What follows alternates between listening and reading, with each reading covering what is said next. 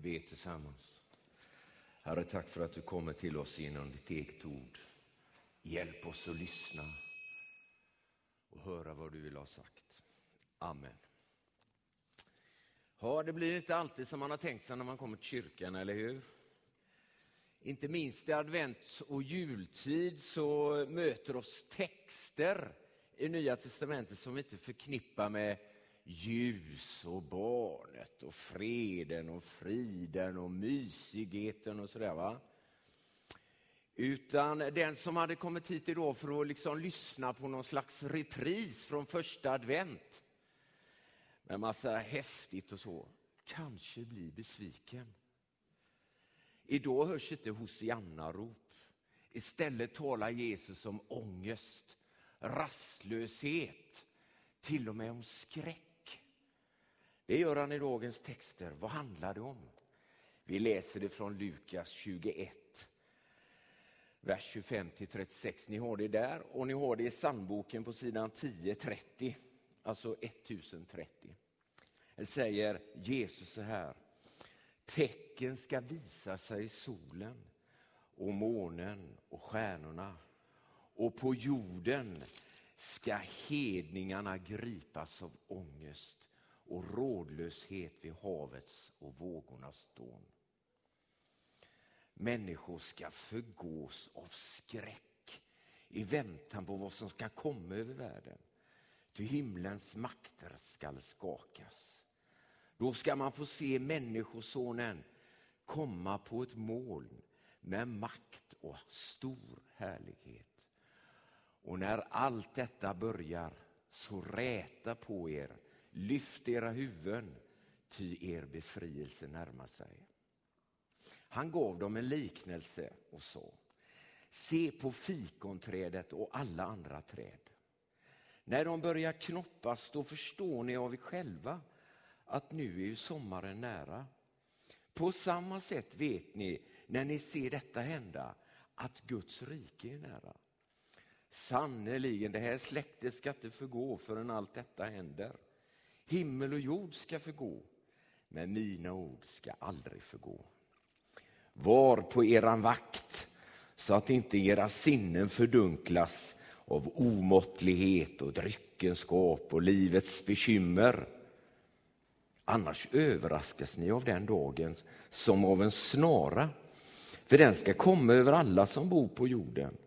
Håll er vakna hela tiden och be att ni får kraft att undfly det som väntar och kan stå upprätta inför Människosonen.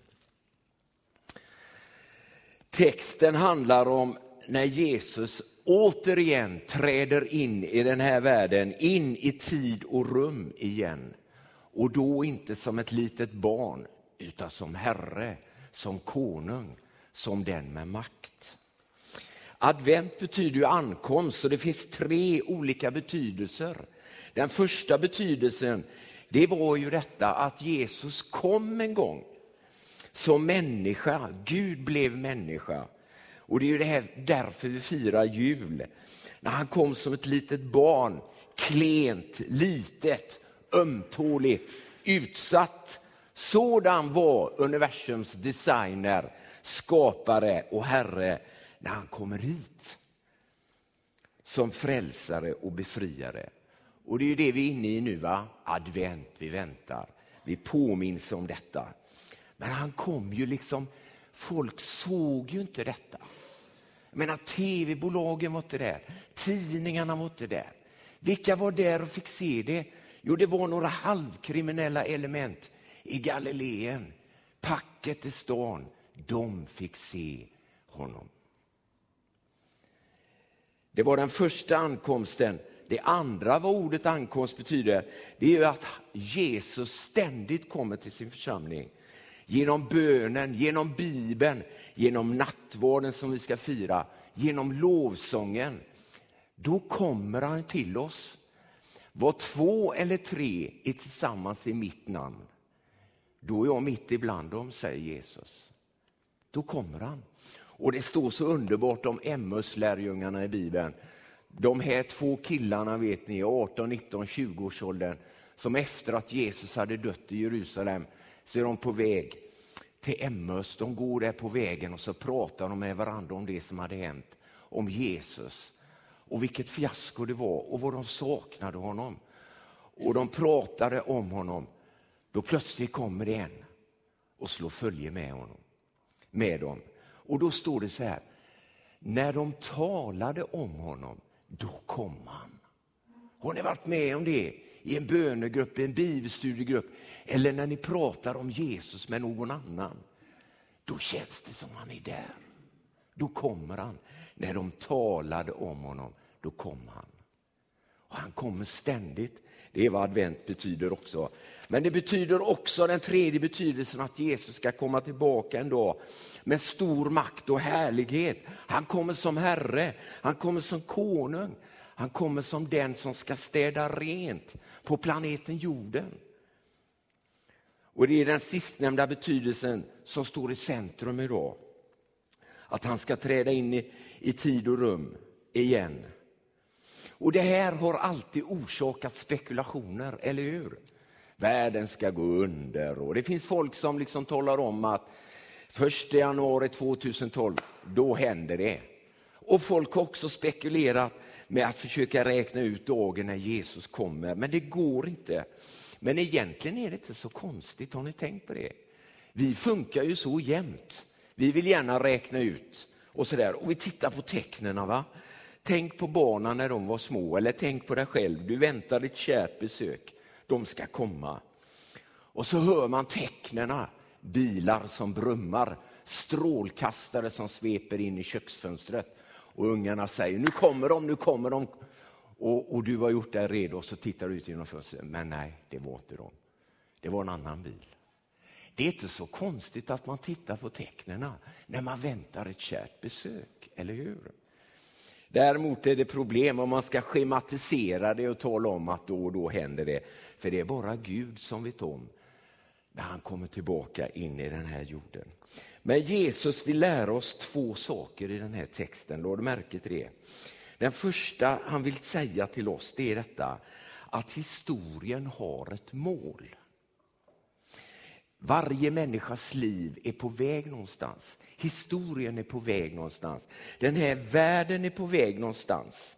Historien och tiden och en människas liv är inte en evig kretsgång. I alla fall inte enligt gamla och nya testamentet.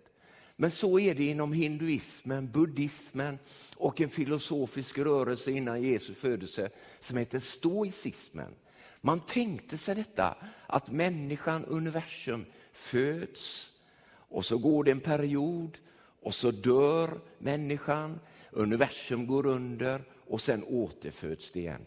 Det finns inget mål, allt går bara runt, runt, runt. Och frälsning blir att befrias ifrån det här kretsloppet. Det är det som är frälsningen.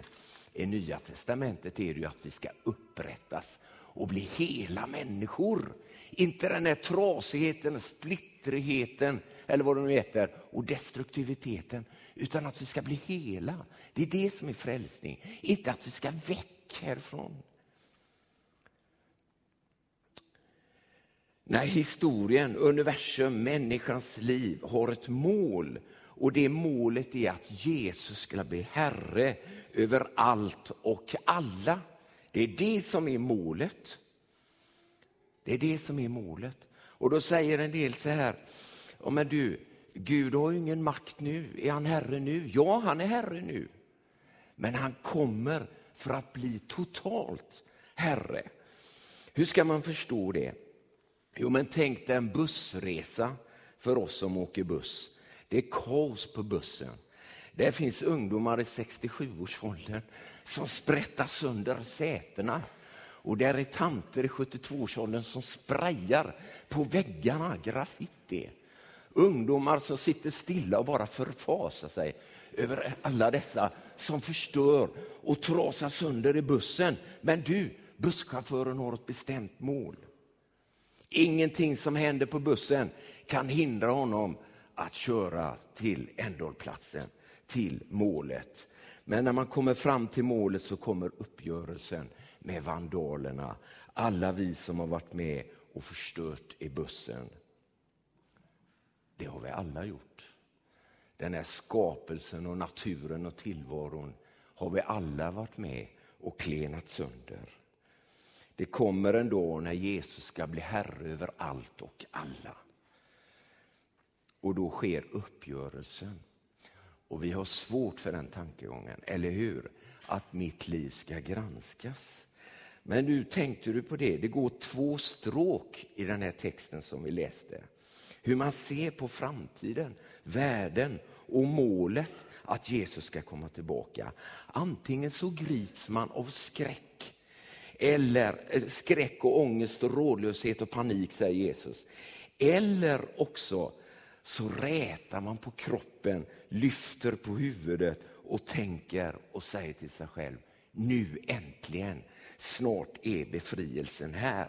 Nu kommer Jesus snart. Och det, det är just den tankegången när vi drabbas av något ont eller våra nära och kära drabbas av något ont. Eller att vi blir utsatt för elakt förtal.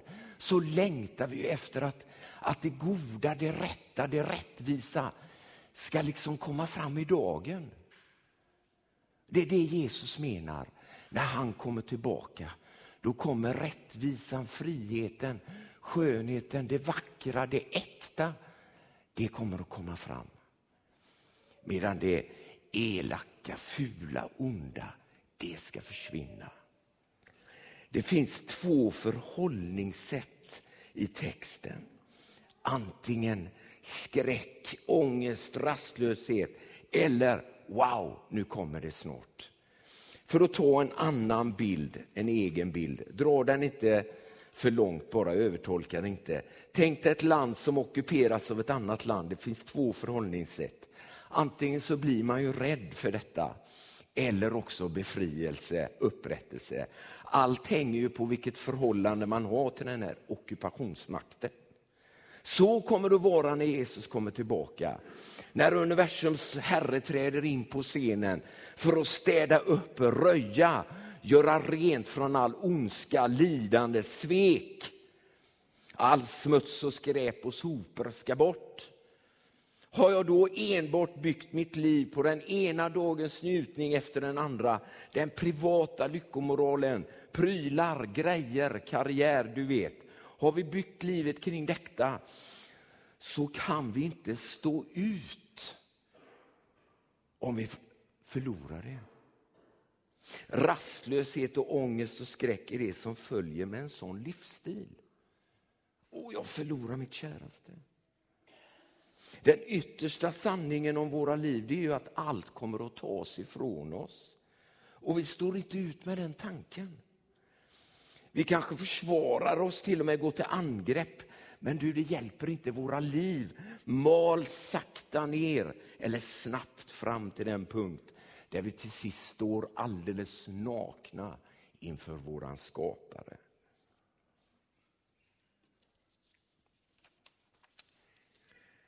Antingen är det det förhållningssättet. Eller också att allt det materiella är det som lättast förgås. Och vi vet om det. Det är enbart Guds ord och löften som kommer att finnas kvar när allting annat är borta, säger Jesus. Så historiens mål är att Jesus ska bli Herre och alla andra lojaliteter och herrar ska förintas, underkuvas. Och vi har två sätt att förhålla oss till att Jesus ska bli Herre. Antingen håller vi fast vid våra gamla lojaliteter, men i det följer den här rastlösheten, tomheten, till och med ångesten. Eller också så väntar vi på att Jesus ska komma tillbaka. Och där rättvisa, rättrådighet och frihet kommer att råda. Det är det ena han lär oss. Det andra Jesus vill säga oss, det är att vara vakna. Lade ni märke till det i texten? Vers 34 och 35. Var vakna, var på er vakt och så vidare. Här finns också två förhållningssätt. Det ena förhållningssättet det var det här.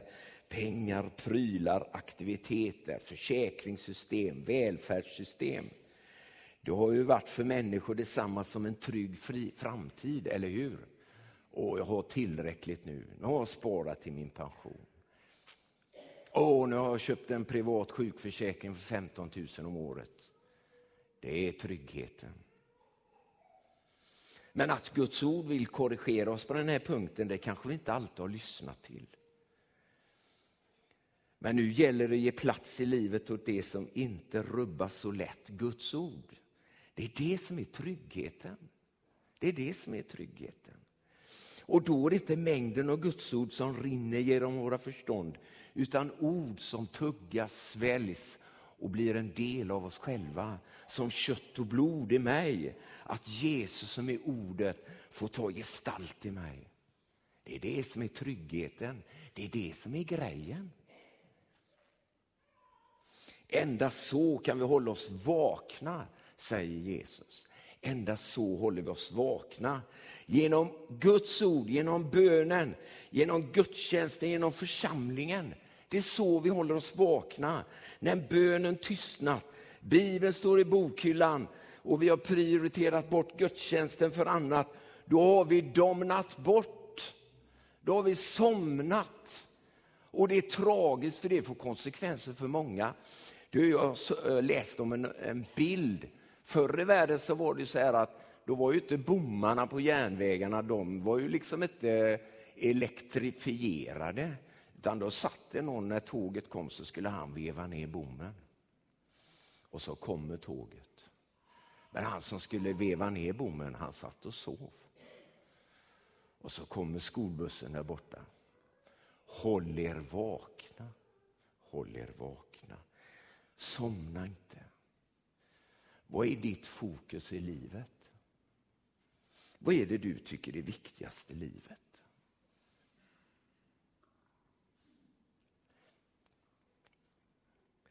En kollega till mig, Liselott Johansson, hon är pastor i Svenska Missionskyrkan. Hon har någonstans sagt så här, för att Guds ord ska hitta en landningsbana i våra liv. Vilken underbar bild. Så kanske en röjning är nödvändig. Det är sant. Eller hur? Det är så sant. Finns det en landningsbana i ditt liv för att Guds ord ska kunna landa. Advent betyder ankomst, att Jesus ska komma tillbaka. Finns det en landningsbana redan nu för dig i ditt liv? Där Guds ord kan landa, där du kan bekänna Jesus som Herre. Sen gammalt är advent, jag ska snart sluta nu. Sen gammalt är advent en bot och fastetid. Det betyder inte att vi ska klä oss i säck och aska, utan att det är en tid för eftertanke, reflektion och omvändelse. Eller med Liselotts ord, en röjning. Det är det det handlar om. Låt oss öppna vårt livs fönster så att det här unkna får vädras bort, att det får vädras ut. Låt oss städa för vi får besök. Är du med? Hur gör man då? Ska man bli duktig? Nej, Jesus kommer. Öppna ditt hjärta i bön och bot. Tänk så här. Tänk så här, använd din fantasi. Han står framför dig och vill tala till dig och vill ta hand om ditt liv. Han kommer i, i brödet och vinet. När du tar emot nattvården sen så tar du emot honom. Röj undan. Jesus är inte bara en pryl bland alla andra prylar, utan han vill vara Herre. Han vill ha alla nycklarna på nyckelklippan till alla garderober och dörrar, fönster, rum i ditt liv. Åh, men det verkar så osäkert. Hur ska det bli? Jag vill inte bli sån. Slappna av, slappna av. Det är då du blir dig själv, när Jesus får bli din Herre. Vad har sagt det då? Jesus ska komma tillbaka in i tid och rum igen. Han kommer för att bli herre över allt och alla. Han är det redan, men då kommer han synligt. Sitter han som en gubbe på ett mål? Nej, det är en bild och den bilden vill säga att det kommer alla att se. Det kommer att ske i offentlighet. Och då finns det två förhållningssätt till detta att Jesus ska komma tillbaka. Har jag byggt mitt liv på andra lojaliteter än att Jesus är Herre? Pengar, prylar, makt, ambitioner, eh, vad det än är. Då hotar ju han mina lojaliteter och mitt liv.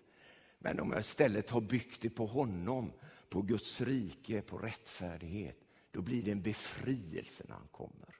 För då ska äntligen allt detta jag djupast sett längtar efter upprättas. Och vad ska jag göra? Vad ska jag göra? Tro på Herren Jesus. Det är så man röjer. Det är så man röjer. Nu ber vi.